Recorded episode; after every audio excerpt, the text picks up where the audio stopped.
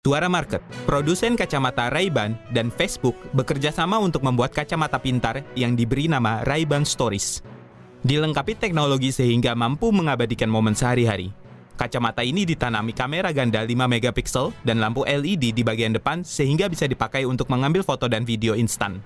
Untuk menggunakannya, pemakai cukup menekan tombol atau menggunakan perintah suara sederhana.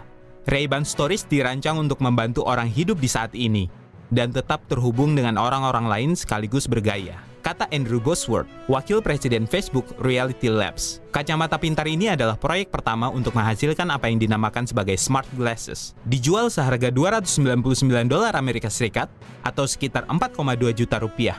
Selain itu, kacamata ini tersedia dengan lensa terpolarisasi seharga 329 dolar Amerika Serikat, lensa transisi seharga 379 dolar Amerika Serikat, dan lensa resep yang harganya bervariasi.